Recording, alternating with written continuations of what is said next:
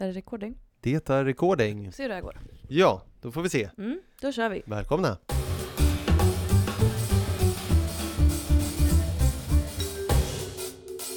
Varmt välkomna till Juristerna svarar.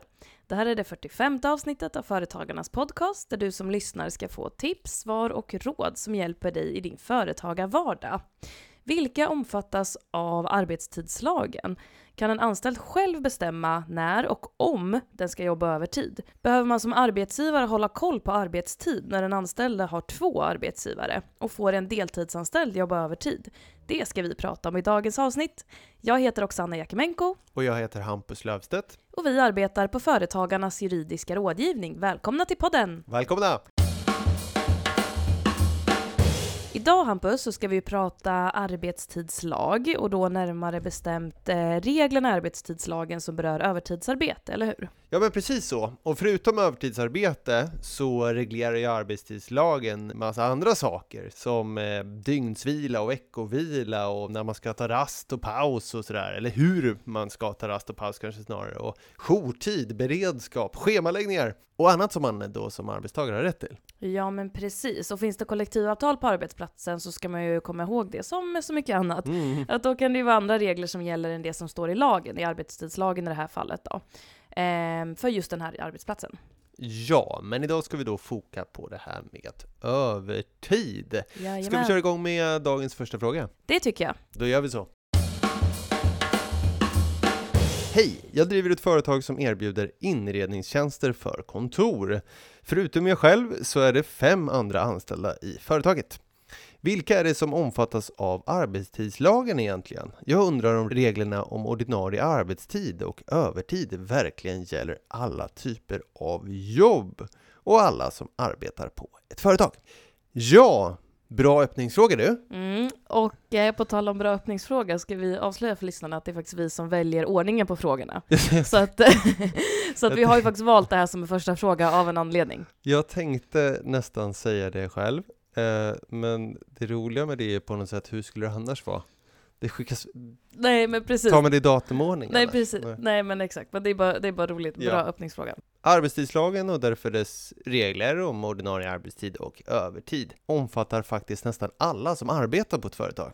Och det gör då ingen skillnad på om man arbetar vid skrivbordet eller i produktionsledet, om man jobbar med IT eller i en blomsterhandel.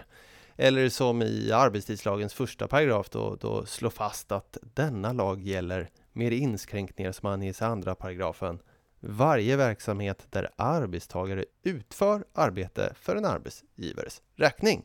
Eh, och innan vi går in på de där inskränkningarna, eller undantagen om man så vill, lägg märke till att lagstiftningen här då nämner just arbetstagare som utför arbete. Mm, vart är du på väg då? Vad, Ja. vad menar du med det? Ja, men jag nämnde i inledningen att arbetstidslagen omfattar nästan alla som utför arbete vid ett företag. Men- Mm. Lagstiftningen säger just arbetstagare. Mm. Ja. Jag fattar. Mm. Och då är det en lite ledande Mm, frågan som mm, du frågar mm, mig här. yes. Var är jag på väg? Jag vill liksom peka upp för, kanske inte en lång utläggning, men en kort utläggning för arbetstagarbegreppet i arbetsrätten. Det finns inte definierat varken i arbetstidslagen eller i lagen om anställningsskydd som också använder sig av arbetstagarbegreppet, då, men det har utkristalliserat sig i domstolspraxis. Och den kanske viktigaste distinktionen som vi kommer i kontakt med när vi rådger företag då, det är ju att arbetsgivare, alltså de personer som ses som arbetsgivare, inte är att anses vara arbetstagare. Och att det som anses vara uppdragstagare inte är att anses som arbetstagare. Om vi nämner aktiebolag då, så har man traditionellt i praxis eh, ansett att eh, personer som har ett större aktieägande och som har ett väsentligt inflytande över företagets verksamhet, de är inte att anse som arbetstagare, för de är arbetsgivare. Så typfallet är väl egentligen då att man undantas från arbetstidslagens reglering eh, när den här som utför arbete är en person som äger samtliga aktier och så sitter i styrelsen och eh, tecknar företaget. Mm. Eh, och samtidigt så finns det andra rättsfall som understryker att dessa kriterier aktieägande, styrelseledamot och eh, firmatecknare inte automatiskt gör att man inte är arbetstagare. Mm. Så att, eh, men jag vågar nog faktiskt sticka ut hakan här. Det gör jag. Jaså? Ja, och säga att eh, det är någon form av huvudregel att eh, om man äger största delen av aktierna i alla fall eh, är styrelseledamot och firmantecknare så innebär det väsentligt inflytande. Det brukar du som regel göra, så jag, jag, stä- jag Ja. ställer mig bakom det Du gör uttalandet. det? Jag gör det faktiskt. Ska vi skicka ja. en disclaimer och säga det här är inte rådgivning? Som man så ofta ser på nätet Visst, visst. ute. Men nej, men så så. Eh, men, men skämt åsido, så varför jag flaggar lite för att så här, jag sticker ut hakan och säger så, för det finns ganska många rättsfall efter det rättsfallet från 76 tror jag, som slog fast det där med att eh, ja, majoritetsdelägare och styrelseledamot och ofta är väsentligt inflytande Mm, mm. eh, som ställer det där på, på sin spets och som har gått emot den huvudregeln lite. Det var någon som ägde 49 procent, var ju då Mm. i och för sig inte majoritetsdelägare, men det var någon familjeföretag där på 80-talet som, som inte var arbetsgivare, utan man Nej. såg det som arbetstagare. Och så finns det ju sådana situationer när man har varit arbetsgivare Mm. och kanske sålt av sin andel, Mm. kanske fortfarande sitter kvar i styrelsen, men det är någon annan som har tagit över verksamheten. Man kanske inte har väsentligt inflytande längre. Hur ska man se på det då? Mm. Och så då. Mm. Eh, Så att det där ska man alltid titta på den specifika Mm. situationen. Men man kan nog ändå kanske ta med sig att eh, huvudregeln är i alla fall liksom att äger man alla aktier i ett bolag, är styrelseledamot och firmatecknare så är det lika med väsentligt inflytande, vilket är lika med inte arbetstagare. Och därmed omfattas man inte av arbetstidslagens Ja men precis så. Yes, Och den bra. andra som inte var, fick vara med i arbetstagarbegreppet, Mm. det var ju uppdragstagare. Just det. Yes, och det som är uppdragstagare som arbetstidslagen då inte heller blir tillämplig på eh, där så, de, de vi kommer i kontakt med är ju typfallet eh, att ett företag tar in konsulter som då är kanske anställda av sitt eget företag, om de är enskild firma eller har ett eget aktiebolag eller som är då anställda av andra arbetsgivare som det företaget fakturerar för. Då är det istället det andra företaget som är arbetsgivare och förhållandet mellan det företaget och dess arbetstagare som arbetstidslagen ska tillämpas på. Mm. Ehm, och det kommer vi kanske in på lite mer senare. Men det är ju verkligen en hel vetenskap, vilka som är uppdragstagare och vilka som är arbe- arbetstagare, eller hur Oksana? Ja, verkligen. Eh, det är en bedömningssport eh, och det finns ju en uppsjö kriterier som har eh, utkristalliserats i praxis. Verkligen. Jag själv, jag Mm. brukar lägga tyngdpunkt vid några favoriter. Mm. Mm. Hampus favoriter? Eh, exakt, Ja. lite av en följetong. Och jag brukar säga det att en, en uppdragstagare oftast har mycket större självständighet än en arbetstagare. Den är inte med på olika sådana tillställningar som är för företaget bara, för deras anställda. Som Mm. det kan ju vara sommarfester, julfester eller kickoffer eller så här, Mm, man ska, mm. nu ska vi ehm, vi ska, nu ska vi prata om en ny verksamhetsplan och sådär. Ja, jag fattar. Då Mm. brukar inte konsulter vara med då. Och sen så brukar de stå för sina egna arbetsverktyg. Mm. Och sen är det ofta så att uppdragstagare ofta har då just ett avtal som understryker att det här är ett konsultförhållande eller ett uppdragstagar-uppdragsgivarförhållande. Okej, så att arbetstidslagen omfattar alltså då inte personer som ses som arbetsgivare eller som uppdragstagare. Och det vet vi genom arbetstagarbegreppet, vad, arbets- vad en arbetstagare egentligen är. Men du sa också där inledningsvis att det fanns eh, lite inskränkningar i andra paragrafen, Mm. eller hur? Ja, men precis. Där radas ett gäng undantag upp, bland annat eh, arbetstagare som utför arbete i arbetsgivarens hushåll, fartygsarbete, arbete som omfattas av lagen om arbetstid vid visst vägtransportarbete, det som har så kallad förtroendetid och vid okontrollerat arbete, alltså de undantas. Eh, det som vi kommer i kontakt med är dock framförallt undantaget för arbetstagare med hänsyn till arbetsuppgifter och anställningsvillkor som har företagsledande ställning. Just det. Eh, och det känns ju igen från LAS eh, och är ett undantag som används restriktivt i och för sig. Men eh, för de allra flesta bolag så handlar det om då en person egentligen, eh, i vanliga fall den verkställande direktören. Mm. Mm.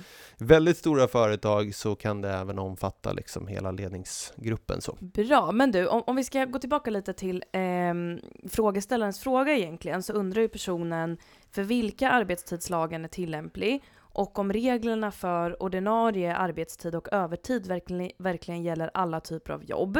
Och det svarade du på. Mm. Men det här med ordinarie arbetstid och övertid, kan du bara förklara lite kort också skillnaden däremellan? Just det, det var ett övertidsavsnitt där. Ja, men precis, det är det som, som Det var det avsnittet sa. egentligen handlar om. Så då Ja, börjar vi prata om ordinarie arbetstid. Ja. Bra. Ja, nej men tanken med arbetstidslagen som man kanske kan gissa utifrån namnet är ju helt enkelt att se till att folk kort och gott inte jobbar för mycket, eller hur? Mm, exakt. Ehm, och det har man ju reglerat då får man väl säga med utgångspunkt i femte paragrafen som handlar om ordinarie arbetstid Mm. som man ändå måste prata om innan man pratar om övertid. Ja. Och ordinarie arbetstid får tas ut då högst med eh, 40 timmar i veckan. Och det gäller det som arbetar heltid. Och för en deltidsanställda är maxtak den beläggningsgrad som man har avtalat om. Ja, och det säger sig självt att deltidsarbete är ju alltså arbete som är, utgör färre timmar än heltid. Ja, men precis. Om arbetet kräver det eh, så kan det här maxtaket för ordinarie arbetstid beräknas på ett genomsnitt av fyra veckor. Vilket innebär att arbetstiden kan då kanske variera från vecka till vecka. Det vill säga att eh, någon vecka så kanske man jobbar mer än 40 timmar och någon annan vecka så jobbar man mindre än 40 timmar. Så länge det inte är mer än 160 timmar totalt på de här fyra veckorna då. Och det där om arbetet kräver det, det har man framförallt kanske sagt gäller sjukvård och restaurang och hotell och lite sådär.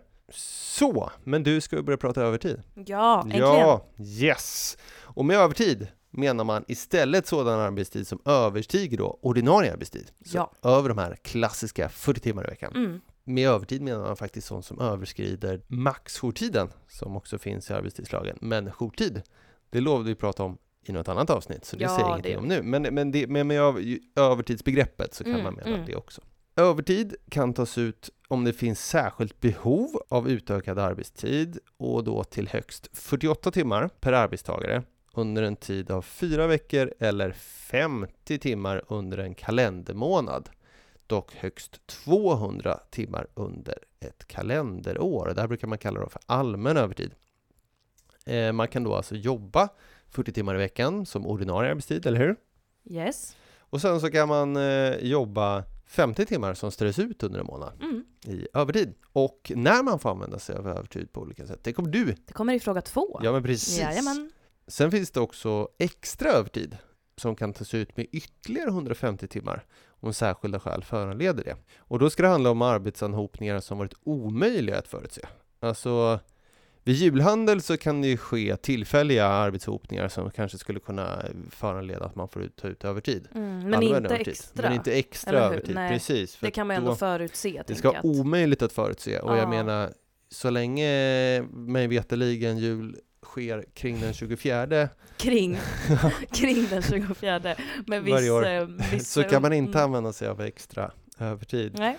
Men sen är det faktiskt så att de här 150 extra övertidstimmarna inte får överstiga 48 timmar under en tid av fyra veckor eller 50 timmar under en kalendermånad. Finns det nödfallsarbetstid också? Ja, det finns det Oksana. Ja, det finns det, men, men det är ju dock ytterst eh, ovanligt att man Mm. behöver använda sig av det.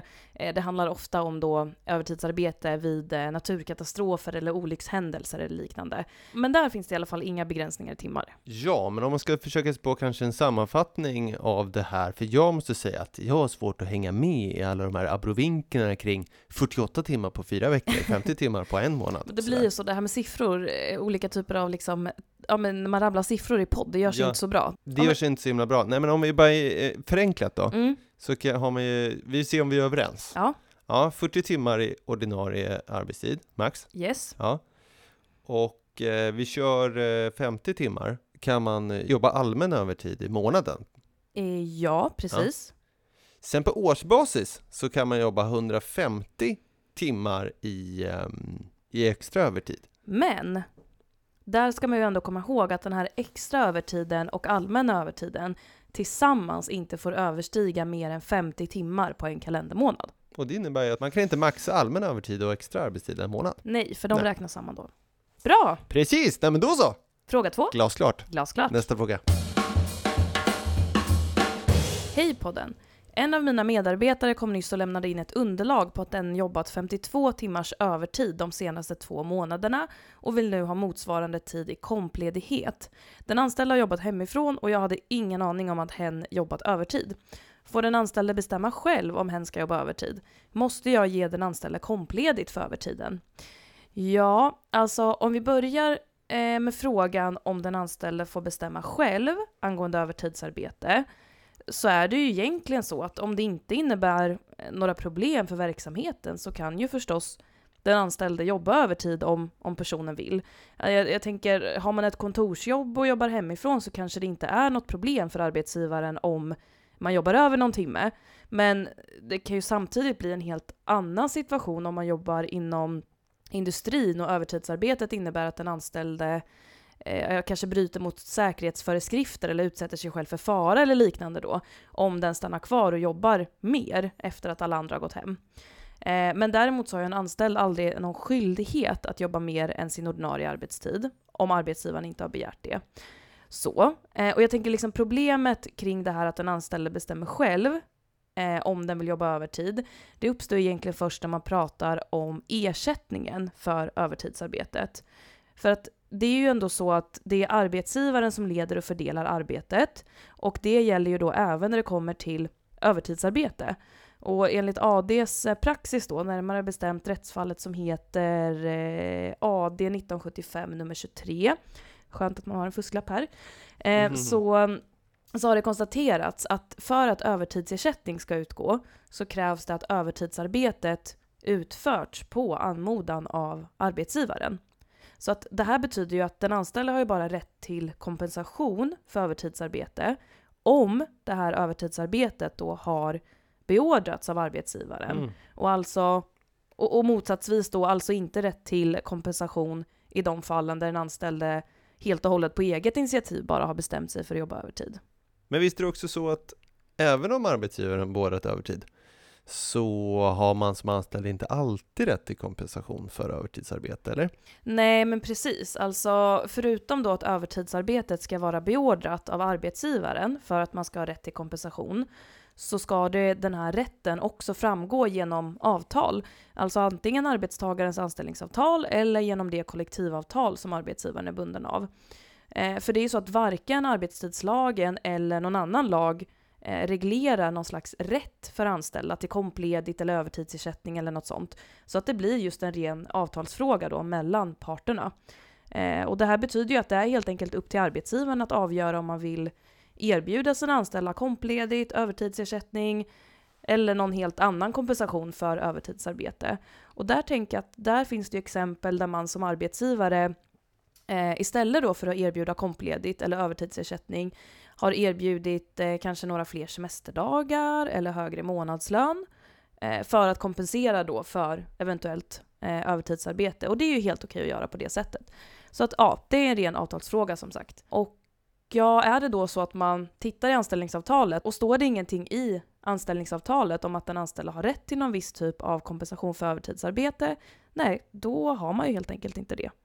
Varken om arbetsgivaren har beordrat övertidsarbetet eller om man på eget initiativ har, eh, har jobbat mer än sin ordinarie arbetstid. Okej, bra, men när har en arbetsgivare då rätt att beordra övertidsarbete? Ja, i åttonde paragrafen i arbetstidslagen så står det att när det finns särskilt behov för ökad arbetstid eh, så kan, som du nämnde tidigare då, allmän övertid tas ut med högst 48 timmar per anställd under en fyra veckors period eller 50 timmar under en kalendermånad. Dock högst 200 timmar under ett kalenderår.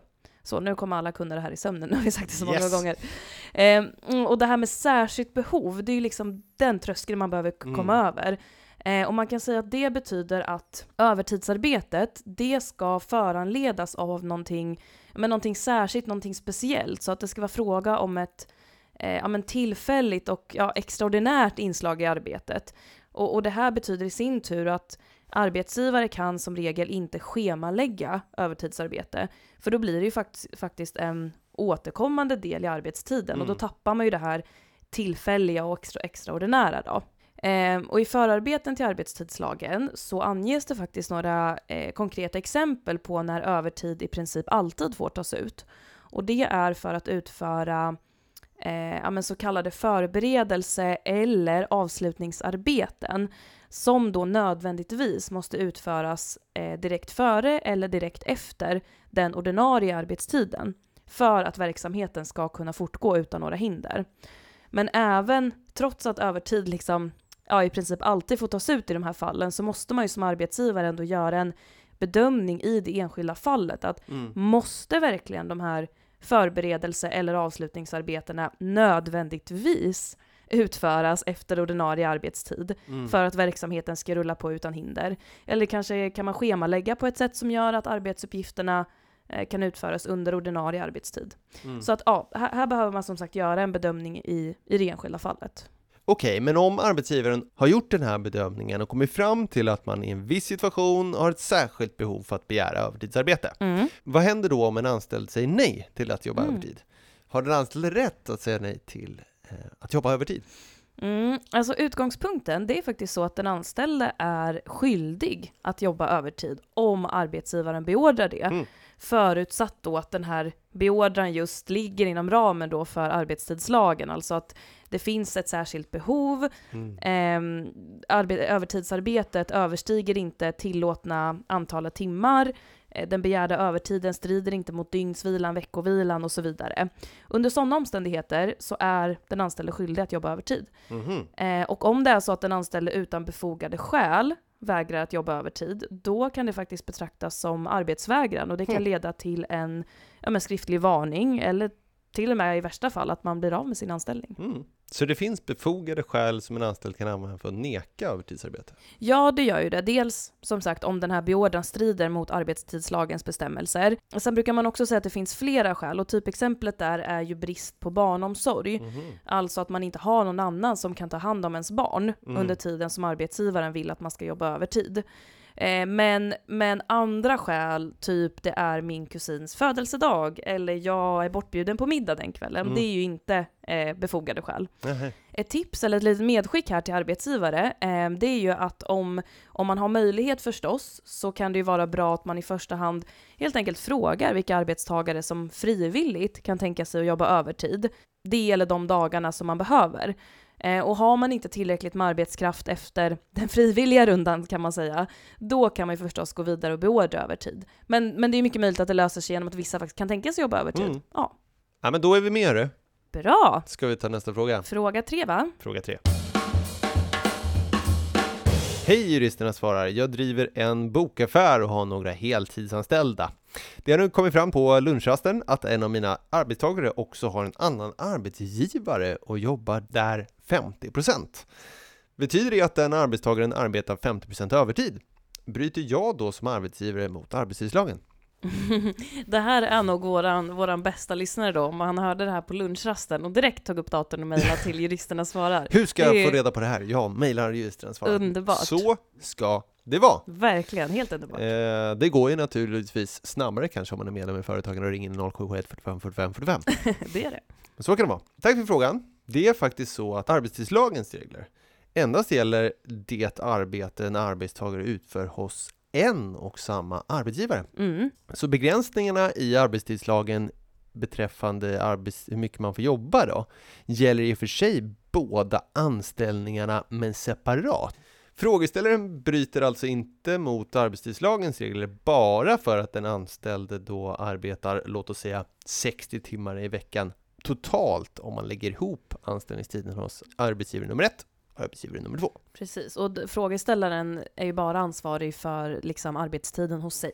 Men eh, skulle det innebära att man bryter mot arbetstidslagens regler om man jobbar 150% hos en arbetsgivare? 40 timmar i veckan är ordinarie arbetstid. Just det, just det, just och det. sen övertid... Ha, har du räknat på det här? Har du svaret på den här frågan eller? Ja, men nästan. Ja. Eh, nej, men 40 timmar ordinarie arbetstid, okej. Då är 150% 60 timmar, Mm. eller hur? Yes. Och vi har ju tidigare sagt att man kan arbeta allmän övertid med 48 timmar i genomsnitt fyra veckor och alternativt 50 timmar i månaden, eller hur? Yes. Så att där skulle man ju kunna plocka 20 timmar, eller hur? Ja, det är sant. Förutsatt mm. då i och för sig att det finns särskilt behov för övertiden och eh, ja, att det inte schemaläggs så att den här extraordinära och tillfälliga karaktären finns kvar då. Exakt, så vi Ja. pratar ju bara tillfälligt och absolut inte kontinuerligt. Mm, så, att, mm. så länge det går upp med dygnsvilan och veckovilan Mm. och sådär. Och det tror jag faktiskt det gör. Ja, ja men bra, snyggt räknat.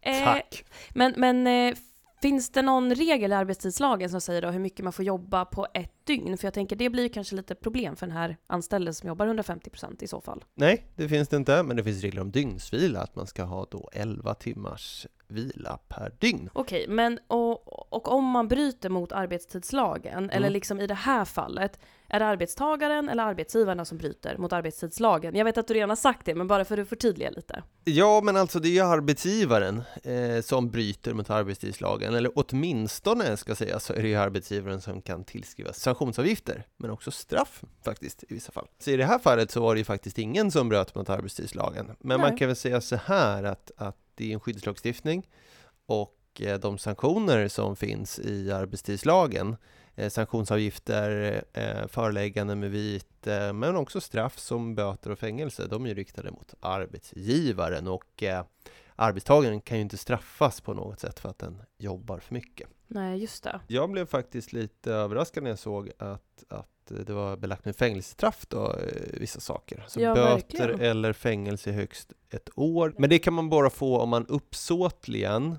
eller då oaktsamt bryter mot ett föreläggande eller förbud som man redan har fått. Mm. Ja, men då handlar det om att man redan har brutit en gång så har man fått, mot arbetstidslagen, så har man fått ett föreläggande Ja, och så fortsätter man att bryta Mm. mot arbetstidslagen, Yes. så någon slags återkommande, eller att man systematiskt gör det här. precis. Liksom. Lägg av med det där Mm. och så struntar man i det. Ja, just det. Då kan man beläggas med Mhm. fängelsestraff. Ja, det är ändå intressant. Ja men Mm. precis, eller böter kan man också beläggas med men, men eh, just fängelsestraff finns bara för det där att man struntar i ett, ett föreläggande eller förbud.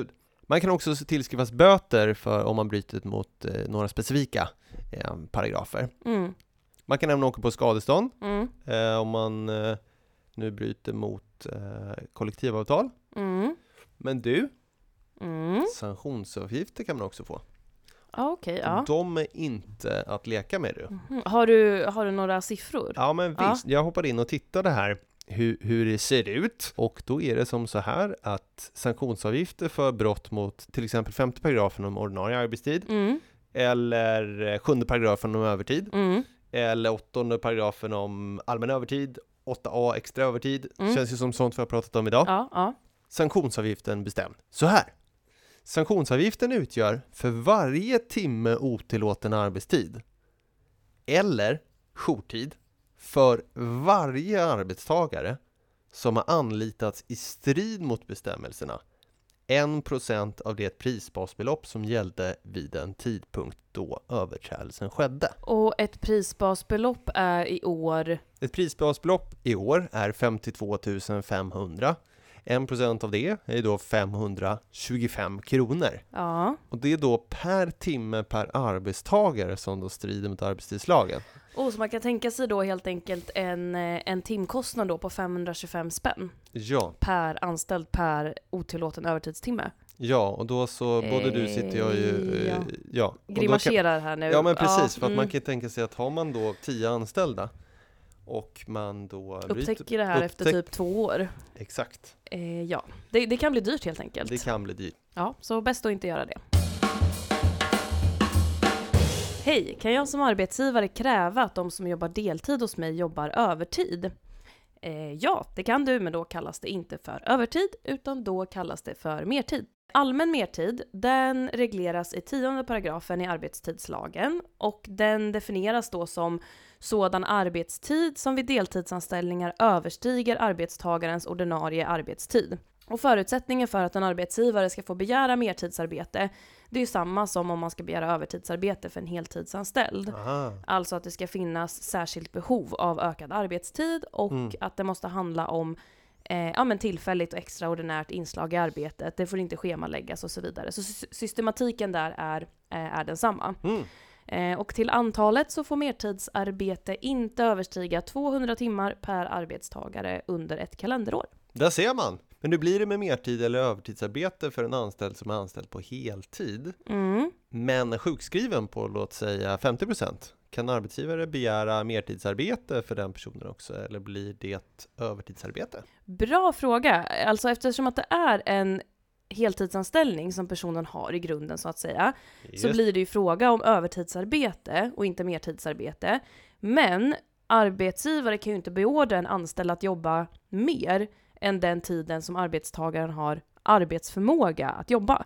Så att är det konstaterat att den anställdes eh, arbetsförmåga är 50% av heltid, då kan inte arbetsgivaren kräva att personen ska jobba mer än 50% av heltid. Nej. Trots alla de här reglerna om övertidsarbete helt enkelt. Konstigt vore annars. Konstigt vore annars, Mm. verkligen. Men, men sen så, man kan ju också ändå nämna det, liksom att det händer ju att anställda avbryter sin sjukskrivning och eh, återgår i tjänst på heltid tidigare än det som står i läkarintyget. Det står ju den anställde fritt att göra.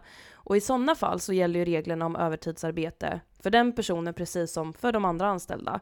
Men, men jag tänker att eh, är det så att en anställd är sjukskriven på 50% så ska man ju, ja dels utifrån det arbetsrättsliga perspektivet, men också uppenbarligen utifrån det medicinska perspektivet helt enkelt då följa det doktorn har sagt och inte jobba mer än 50 Ja men precis. Mm. Och du, Ja, som medlem i Företagarna kan du utan kostnad ringa till oss och våra kollegor på den juridiska rådgivningen och få personlig hjälp. Du når oss på telefon 0771 45 45 45. Klippningen den är gjord av Petra Chu och producent är David Hagen. Och vi, vi hörs igen om två veckor. Tack för att ni har lyssnat. hej då! Hej då!